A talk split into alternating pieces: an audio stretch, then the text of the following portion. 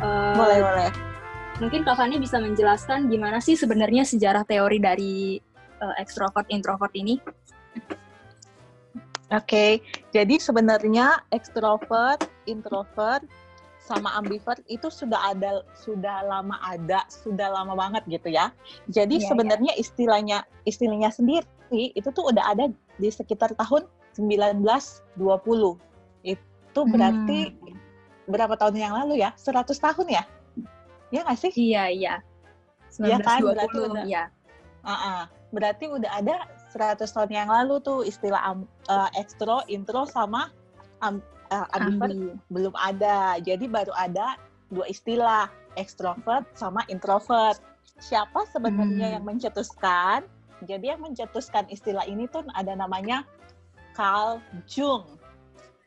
C A R L Jung. Dia seorang psikolog yang sangat terkenal dan dia seorang psikolog yang sangat terkenal dan dia menulis satu buku yang judulnya itu Psychological Types. Nah, hmm. di dalam hmm. buku Psychological Types inilah muncul istilah introvert dan extrovert. Extrovert. Nah, iya, introvert sama extrovert. Di dalam bukunya ini pertama kali dijelaskan apa itu introvert sama extrovert. Nah, uh, ketika itu dia mengkelompokkan introvert sama extrovert itu sebagai trait T R A I T. Nah, trait sifat itu ya, apa? Ya benar. Trait itu sifat atau ciri khas yang dimiliki seseorang. Nah, kalau namanya ciri khas itu kan berarti unik ya. Setiap pribadi hmm. itu unik gitu. Nah, ciri khas itu tuh bawaan lahir lah boleh dibilang ciri khas itu ah. boleh dibilang bawaan lahir. Jadi kalau istilah-istilah psikologinya sih nature-nya. Jadi seorang manusia itu ada nature-nya. Nature-nya itu nah dibagi dua ini. Si A bisa si A bisa introvert, si B bisa extrovert, tapi itu naturnya. Jadi dari lahir dia udah begitu sebenarnya. Nah, introvert extrovert itu termasuk natur ya, natur manusia. Jadi dari lahir dia sudah langsung kebagi sebenarnya uh, introvert atau ekstrovert. Jadi itu udah karakteristik bawaan lahir lah istilahnya. Jadi sebenarnya sejarahnya introvert ekstrovert itu mungkin baru baru terdengungkan belakangan ini, tapi sebenarnya udah lama ada dari 100 tahun yang lalu dan mencerminkan lu itu secara natural bawaan lahir lu itu intro atau ekstro gitu. Hmm, jadi teori ekstrovert introvert ini udah ada 100 tahun yang lalu ya kak. Yang mencetus iya. mencetuskannya itu psikolog yang bernama Jung. Carl Jung. Oke okay, kak. Carl Jung ya. Hmm. Oke okay, kak. Terus kalau arti dari ekstrovert dan introvert ini sendiri apa sih kak? Uh, Oke, okay. jadi sebenarnya ekstrovert introvert itu adalah salah satu karakteristik orang di mana uh, di mana cara orang mendapatkan energinya. Jadi kalau boleh dibilang ini tuh karakteristik uniknya seseorang bagaimana cara dia mendapatkan energi, bagaimana dia cara mendapatkan energi itu lebih kepada uh, yang membuat lu bisa semangat melakukan sesuatu atau ibaratnya uh, ketika lu melakukan sesuatu itu lu akan sangat senang uh, lu kayak kayak dicas lah energinya gitu. Kayak di kayak hmm. handphone kan dicas nah introvert extrovert tuh di situ bagiannya gitu nah pembagiannya sih sebenarnya seperti ini gitu jadi uh, kalau extrovert itu mendapatkan energi dari luar dirinya jadi uh. kalau dia kalau dia lemah lesu, terus dia ketemu orang, makanya makanya dia akan kecas, dia akan bisa dapat hmm. energi untuk melakukan sesuatu yang besar atau sesuatu yang uh, akan maksimal gitu. Tapi kalau orang introvert, dia mendapatkan energinya dari dalam dirinya melalui perenungan, melalui pemikirannya. Jadi ketika dia merenung, memikirkan, dia akan mendapatkan energi yang bisa membuat dia mengerjakan sesuatu dengan maksimal gitu. Jadi sebenarnya ekstrovert sama introvert itu adalah bagaimana cara kita mendapatkan energi mendapatkan apakah energi. kita yes untuk melakukan sesuatu yang bermanfaat ya jadi kalau Hmm. ekstrovert itu X kan dari luar kalau introvert itu dari dalam gitu Hmm, pantesan orang-orang ekstrovert terkenal dengan eh, dekat dengan dunia sosial banget ya kak ya. Sedangkan introvert Iya. itu dengan dirinya sendiri in ya kak. iya iya benar. Jadi dia dapetin energinya tuh memang cara dapetin energinya beda. Nah itu balik lagi kepada trait-nya memang secara bawaan dia dapatin energinya tuh begitu. Nah kalau tadi kan kita bahasnya ada ada ambivert kan? Nah Iya, ambivert ini ambivert ini sebenarnya baru muncul tuh belakangan-belakangan ini. Jadi istilah istilahnya baru muncul belakangan ini mungkin karena melihat ada orang yang sepertinya introvert tapi juga kok ekstrovert tapi Mm-mm, di seperti yang tengah-tengah. Yes. Tapi seperti yang aku bilang tadi, pasti ada kecenderungan ekstrovert ataupun introvert. Mungkin presentasenya yang beda. Mungkin dia ekstrovertnya Hmm. 60%, tapi intronya 40%. Itu kan dikit kan? Dikit banget bedanya gitu. Tapi Iya. dia pasti punya kecenderungan gitu. Jadi yang namanya ambivert itu belum teruji secara ilmiah karena memang dari dulu yang bertahan serat, selama 100 tahun itu baru ekstrovert sama introvert gitu. Kalau ambivert ini cuman eh, sebutan saat ini aja kali ya kak yang muncul di kak saat ini. Iya. Atau mungkin Kak, mungkin salah satu yang bikin ada ambivert juga adalah ketika kita tuh nggak tahu sebenarnya kita tuh ekstro atau intro. Oh. Bisa bisa juga begitu. Jadi sebenarnya karena kita juga belum mengenal diri kita gitu. Jadi kita jadinya bingung, gue tuh di ekstro atau intro ya gitu. Karena sebenarnya beberapa kali melayani siswa kayak misalnya alat eh, bagi alat tes, terus mereka isi tes kepribadian misalnya, terus mereka bisa lima-lima tuh maksudnya seimbang nilainya ketika isi tes, ketika kita gali, kita tanya gitu ya, ternyata dia sendiri bingung, dia itu introvert atau ekstrovert gitu. Jadi sebenarnya memang ada, apalagi masa-masa remaja ya, kita tuh kadang-kadang bingung gitu ya, gue tuh yang mana sebenarnya. Nah sebenarnya salah satu Hmm, cara iya. untuk cari taunya bisa ngobrol dengan konselor atau dengan kakak-kakak rohani yang mungkin bisa nolong kelihatannya sih kamu mungkin ke arah sini gitu. Jadi sebenarnya orang ambivert itu emang ada ya kak. Cuman kalau secara teorinya itu eh, nggak teruji secara klinis gitu kak. Iya, mungkin ambivert itu tuh lebih kepada pertama dia belum tahu dirinya, terus yang kedua mungkin present ada dominannya tapi dominannya nggak tinggi gitu. Jadi kayak yang tadi gue bilang 60 40 mungkin, 60-nya Hmm. intro, 40-nya ekstro gitu. Jadi dia ada dominannya tapi nggak yang dominan banget gitu. Iya iya iya. Oke kak. Terus eh, tadi kan dijelasin Kak Fani itu ekstro intro itu naturnya kita tuh kak. Nah Ah, ah. sebenarnya natur kita itu ditentuin dari apa sih kak? Maksudnya ekstro intro itu eh, bawaan lahir tapi ditentukan oleh apa kak? Apakah genetik oke. atau lingkungan atau gimana kak? eh, ada istilah natur sama nurture. Natur itu emang bawaan lahir, jadi memang traits eh, yang introvert extrovert ini emang bawaan lahir. Jadi kalau bawaan lahir itu dia akan ada yang akan ini yang akan selalu dominan tinggal dalam hidup kita.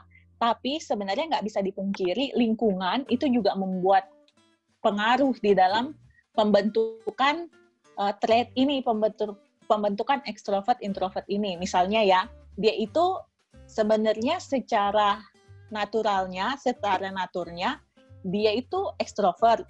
Tapi dia itu dibesarkan di lingkungan yang semua keluarganya pendiam. Terus hmm. eh, nggak uh, ada yang ngajak dia ngobrol. Dia dibesarkan di lingkungan yang kayak gitu kan. Jadi sebenarnya jiwa ekstrovertnya tuh uh, ada tapi karena lingkungannya dia nggak ada yang dia bisa ngajak ngobrol akhirnya dia menjadi orang yang kelihatannya introvert karena dia tidak terlatih untuk bisa ngobrol, mengembangkan jiwa ekstrovertnya gitu. Jadi sebenarnya bisa kelihatannya jadi introvert karena lingkungan, tapi sebenarnya naturnya ekstrovert gitu. Tapi sebenarnya hmm. Kalaupun nanti dia akhirnya bisa ketemu dengan orang yang rame, orang yang banyak gitu ya, jiwa ekstrovertnya bisa muncul sih sebenarnya. Tapi kalau Mungkin misalnya ini yang dia, yang uh, sering disebut ambi kali ya kak, ambivert ya, yang kayak gini-gini kasus yang kayak gini. Bisa juga, bisa juga, bisa juga karena pengaruh lingkungan itu kan, iya bisa juga gitu. Tapi tetap aja uh, kalau kalau gue sih liatnya tetap aja orang ekstrovert itu tetap tidak akan bisa seperti orang introvert yang sejatinya introvert gitu.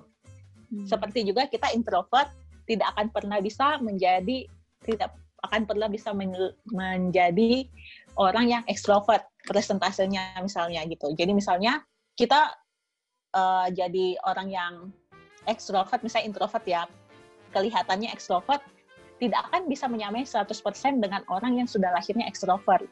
Demikian juga sebaliknya. Karena yang paling iya. kuat sebenarnya adalah naturnya. Oh, naturnya. Berarti bawaan lahirnya uh -uh. ya, Kak? Iya. Barusan aku mau tanya, mana peran mana yang uh -uh. paling berpengaruh? Kak Fani udah langsung jawab. Natur. Karena itu nggak bisa dipungkiri, itu memang bawaan ya.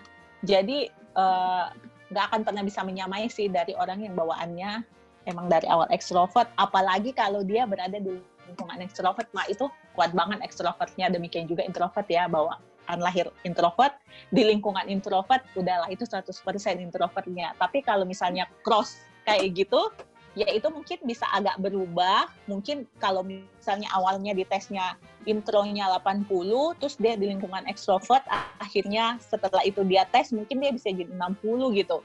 Jadi bisanya hmm. cuma begitu, tapi kalau berharap dia akan sama persis dengan orang-orang yang lahir ekstro, nggak akan bisa sih menurut gue karena secara naturnya udah dikasih Tuhan begitu. Hmm. Oke kak, terus mm -hmm. uh, ada teman-teman juga nih yang nanya manfaat untuk tahu teori-teori kayak gini itu apa sih kak? Kenapa kita harus tahu kalau kita ini introvert atau extrovert? Sebenarnya manfaatnya kita tuh bisa kenali diri kita.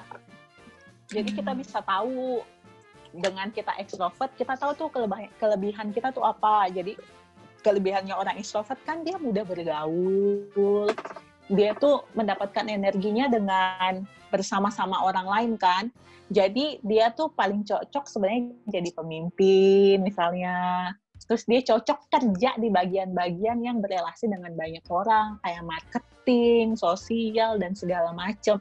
Jadi sebenarnya paling penting adalah tahu kelebihan tapi juga tahu kekurangan. Jadi kita tahu sebenarnya orang extrovert itu susah untuk disuruh diam, susah untuk disuruh kerja sendiri. Jadi sebenarnya nggak cocok untuk pekerjaan-pekerjaan yang membutuhkan uh, kesendirian. Kayak hmm. misalnya uh, komputer, duduk diam itu biasanya susah untuk orang-orang extrovert. Sebaliknya untuk orang-orang introvert itu uh, adalah orang-orang yang uh, bisa banget untuk kerja sendiri, bisa banget untuk duduk lama-lama di depan komputer gitu. Programmer itu tuh bisa untuk orang-orang introvert, untuk mikir yang dalam itu tuh introvert bisa gitu. Jadi uh, dengan kita tahu kita ekstro atau intro, kita jadinya mengerti bahwa sikap gue tuh ada sebabnya misalnya kenapa orang introvert suka menyendiri gitu. Biasanya kan kalau remaja menyendiri itu kayaknya ada yang salah dengan diri gue. Ya, iya. mungkin kalau kita terlahir introvert, mungkin memang kita menyukai itu. Nah, itu mungkin yang kita perlu cari tahu. Memang aku, memang aku introvert atau memang ada sesuatu juga. Misalnya yang buat aku suka sendiri misalnya. Jadi sebenarnya kalau kita tahu kita ekstro atau intro, kita tahu kelebihan kita, kita tahu kelemahan kita, dan kita bisa kembangin tuh ekstrovert kita, introvert kita untuk yang lebih baik. Nah kalau keku kekurangannya kita juga bisa tahu bagaimana cara mensiasatinya, walaupun kita seperti tadi ya kita nggak mungkin bisa jadi orang yang ekstro kalau kita introvert atau yang intro kalau kita ekstrovert, tapi kita tahu memanfaatkan kelebihan yang kita punya gitu. Hmm, kalau tadi manfaatnya untuk bisa mengenali diri, mm -hmm. uh, caranya gimana tuh kak untuk kita tahu kalau kita ini intro atau ekstro? Apakah dengan Cara, uh, yang orang-orang bilang kalau intro itu pendiam, terus kalau aku pendiam berarti aku intro gitu? Caranya gimana kak? Nah, sebenarnya ada sebenarnya ada alat tesnya. Alat tesnya hmm. itu MBTI itu sebenarnya gratis, tapi sebenarnya sederhananya aja sih sebenarnya kalau mau tahu kamu tuh introvert atau extrovert adalah uh, kan ini masalah energi ya. Kamu tuh dapat energinya dari mana gitu.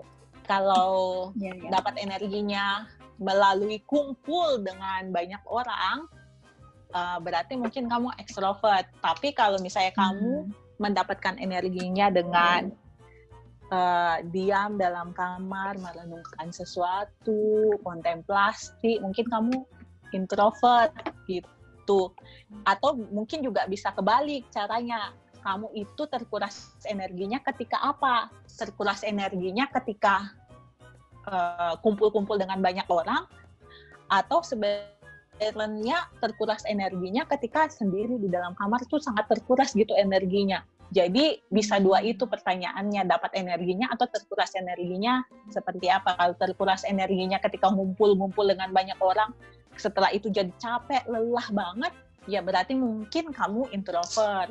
Tapi kalau terkuras energinya ketika sendiri di kamar, nggak ngapa-ngapain, itu energinya terkuras habis, ya mungkin kamu ekstrovert. Ekstrovert. Mm -hmm.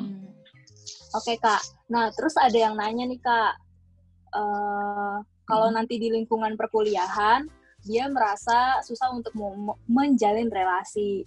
Nah itu kan bau-baunya kasus-kasus intro tuh kak. Nah untuk orang-orang hmm. intro ini gimana sih caranya untuk bisa tetap mudah berelasi sekalipun nanti akhirnya energi dia kan terkuras tuh kak kalau misalkan di, hmm. di, di di kumpulan orang banyak. Hmm, oke okay, oke. Okay uh, sebenarnya ya um, ini kan masalah energi yang tadi gue bilang ya. Jadi sebenarnya kalau energi kan bisa diisi ulang, iya kan? Hmm, ya kak.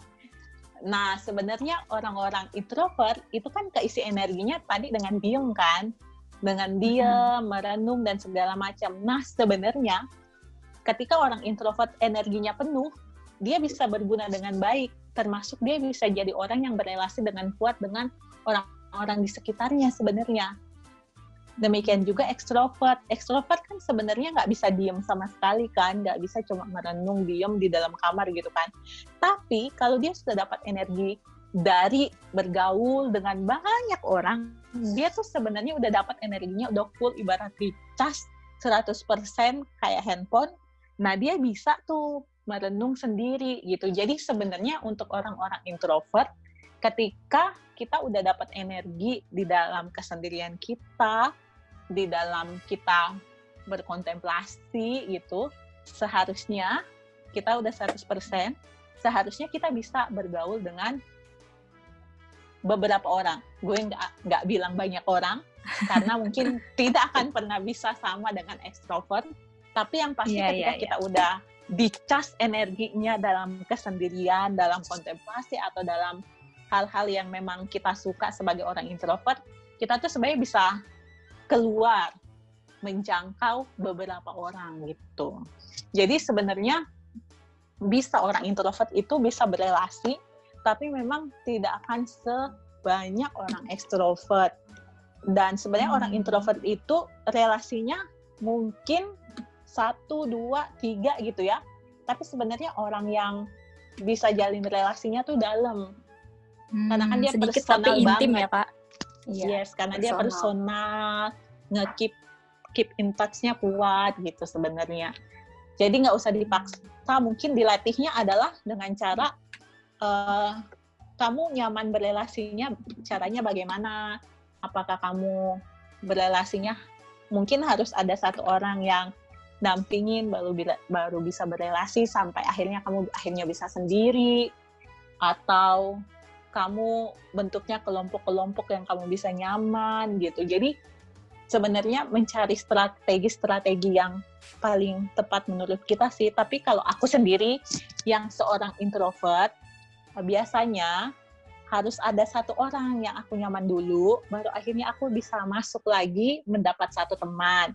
Habis itu kalau udah nyaman dengan teman yang aku dapat tadi, aku mulainya mulai bangun lagi relasi dengan teman yang satu lagi. Jadi muternya begitu walaupun memang akhirnya lama baru bisa hmm, kenalan caranya pelan-pelan gitu ya kak iya jadi aku nggak pernah maksa untuk sama kayak orang ekstrovert yang misalnya ekstrovert hmm. itu kan hmm. misalnya di perkumpulan dia datang-datang langsung bisa masuk ke dalam perbincangan iya, iya. terus rame kan terus rame kan iya. nah kalau aku tuh enggak kalau aku enggak paling aku diem dulu terus abis itu nanti aku biasanya akan dekatin satu dua orang yang juga nggak rame gitu. Jadi hmm. ajak dia ngobrol gitu. Setelah itu nanti kami bisa berdua dan ketika ada temannya itu kadang-kadang lebih bisa untuk uh, memulai percakapan karena misalnya ya menurut kamu bagaimana? Iya ya kayaknya begitu gitu. Jadi sebenarnya um, punya teman itu sebenarnya sangat menolong untuk orang introvert sih kalau aku pribadi ya. Punya teman tapi biasanya akan mulai percakapannya bukan di dalam percakapan besar. Ketika percakapan besar selesai baru akhirnya di luar itu mulai percakapan berdua gitu. Kalau aku sih biasanya begitu ya sebagai orang seorang introvert. Kayaknya introvert aku ekstrimnya lebih jauh deh dari kapan nih soalnya ya tetap aja walaupun ada orang yang aku kenal kalau misalkan aku nggak minat ya aku nggak mau aja gitu gabung. Ah. jadi introvert aku lebih parah kayaknya nih kak. Jadi harus harus ada topik yang diminati dulu ya? Iya. Walaupun ada orang yang deket sama aku di situ. Ah oke oke. Tapi sebenarnya orang introvert ya itu ya kadang-kadang kan kita lihatnya orang ekstrovert tuh lebih banyak kelebihannya ya daripada introvert ya. Mm-hmm. Bener banget. Padahal dalam hal relasi, tapi dalam hal kedalaman pemikiran, umumnya, umumnya ya, gue nggak bilang extrovert tidak dalam juga pemikirannya, tapi umumnya orang intro, orang introvert itu kedalaman pemikirannya lebih kuat, termasuk juga e, menjaga relasinya kadang-kadang, kadang-kadang juga orang introvert itu lebih kuat gitu. Jadi e, mau ekstro mau intro sebenarnya punya kelebihan kekurangan satu sama lain sih tapi tetap bisa kita hmm. pelajari kok Iya, so. iya. Oke, Kak. Terus, uh, aku juga ada yang nanya. Uh-uh. Tips-tips untuk orang ekstro, kan tadi ekstro itu ngambil, dapetin energinya kalau bersosialisasi itu, Kak. Nah, masa-masa uh-uh. quarantine ini kan di rumah aja nih, Kak orang-orang ekstra mm -hmm. tuh kebanyakan udah udah lemes dan gak ngerti lagi harus gimana. Apalagi kan komunikasinya cuman virtual kayak gini kan kak. Itu gimana tips-tips untuk orang ekstra untuk bisa tetap dapat energi tuh kak, walaupun di rumah aja. Iya, iya sih. Memang sulit banget nih pas masa-masa COVID gitu. Jadi sebenarnya buat buat semua kalangan mau ekstro sama intro tuh sebenarnya kena dampak juga sih gitu. Walaupun mm -hmm. mungkin buat intro tuh kayak energinya dicas dulu sebenarnya buat kami yang intro ya. Tapi sebenarnya stres juga karena energinya dicas dulu tapi nggak bisa dikeluarin gitu tapi iya kalau sih, orang kalau ngecas HP gelembung gitu ya kak baterainya. Iya iya kelamaan dicas. Iya makanya. Jadi sebenarnya kalau boleh dibilang orang introvert tuh pemikirannya udah banyak. Sebenarnya butuh teman diskusi juga. Tapi kan karena lagi covid ini ya sudahlah ya. Tapi memang yang paling menyedihkan untuk orang-orang ekstrovert. Kalau kita kan masih dapat energi ya introvert lah. Orang ekstrovert nggak dapat energi sama sekali kan sebenarnya. Karena nggak ketemu dengan siapa-siapa memang sih memang kasihan gitu ya di dalam masa-masa gini apalagi untuk orang-orang extrovert yang perlu energi gitu nggak bisa disuruh diam aja di dalam rumah gitu. Nah, bagaimana solusinya? Sebenarnya kalau teman-teman uh, punya banyak kuota, saranku sih uh, gunakanlah kuota itu untuk bersosialisasi gitu diskusi ngobrol dengan sebanyak mungkin orang biar nggak bosen. Kalau punya banyak kuota dan punya banyak kesempatan gitu ya apalagi sekarang sekarang kan mungkin udah bentar lagi mau libur gitu. Jadi gunakanlah waktu-waktu ini untuk uh, bersosialisasi bersosialisasi virtual lah. Cuma itu yang bisa kita lakukan sekarang gitu. Atau misalnya kalau teman-teman masih tinggal bersama orang tua orang rumah mungkin bisa gunakan waktu ini untuk ngobrol dengan orang tua gitu, dengan saudara-saudara. Uh, kalau memang merasa susah dan sulit, coba mungkin pilih satu tema satu hari apa yang mau didiskusikan gitu dengan mereka gitu. Karena sebenarnya uh, nggak ada lagi cara lain yang bisa kita lakukan karena kan kita nggak bisa keluar rumah gitu. Jadi cuma bisa komunikasi virtual sama memanfaatkan apa yang Tuhan sediakan kayak keluarga gitu. Hmm. Jadi memang ini tantangannya cukup besar sih apalagi untuk teman-teman yang ekstrovert gitu. Atau mungkin bisa bikin vlog atau oh. gitu. Jadi itu tuh bisa jadi tempat menyalurkan jiwa ekstrovertnya gitu lah istilahnya gitu. Jadi biar nggak uring-uringan, biar nggak lemas karena energinya nggak dapat gitu. Mungkin coba bisa bikin vlog atau bikin Spotify yang bisa cuap-cuap di situ gitu. Uh, it's okay sih. Jadi melalui itu kan energinya bisa didapatkan kembali gitu. Hmm. Oke deh kak. Hmm. Uh, aku pikir itu aja kayaknya yang ditanyain teman-teman waktu aku coba post ke IG. Oke, okay.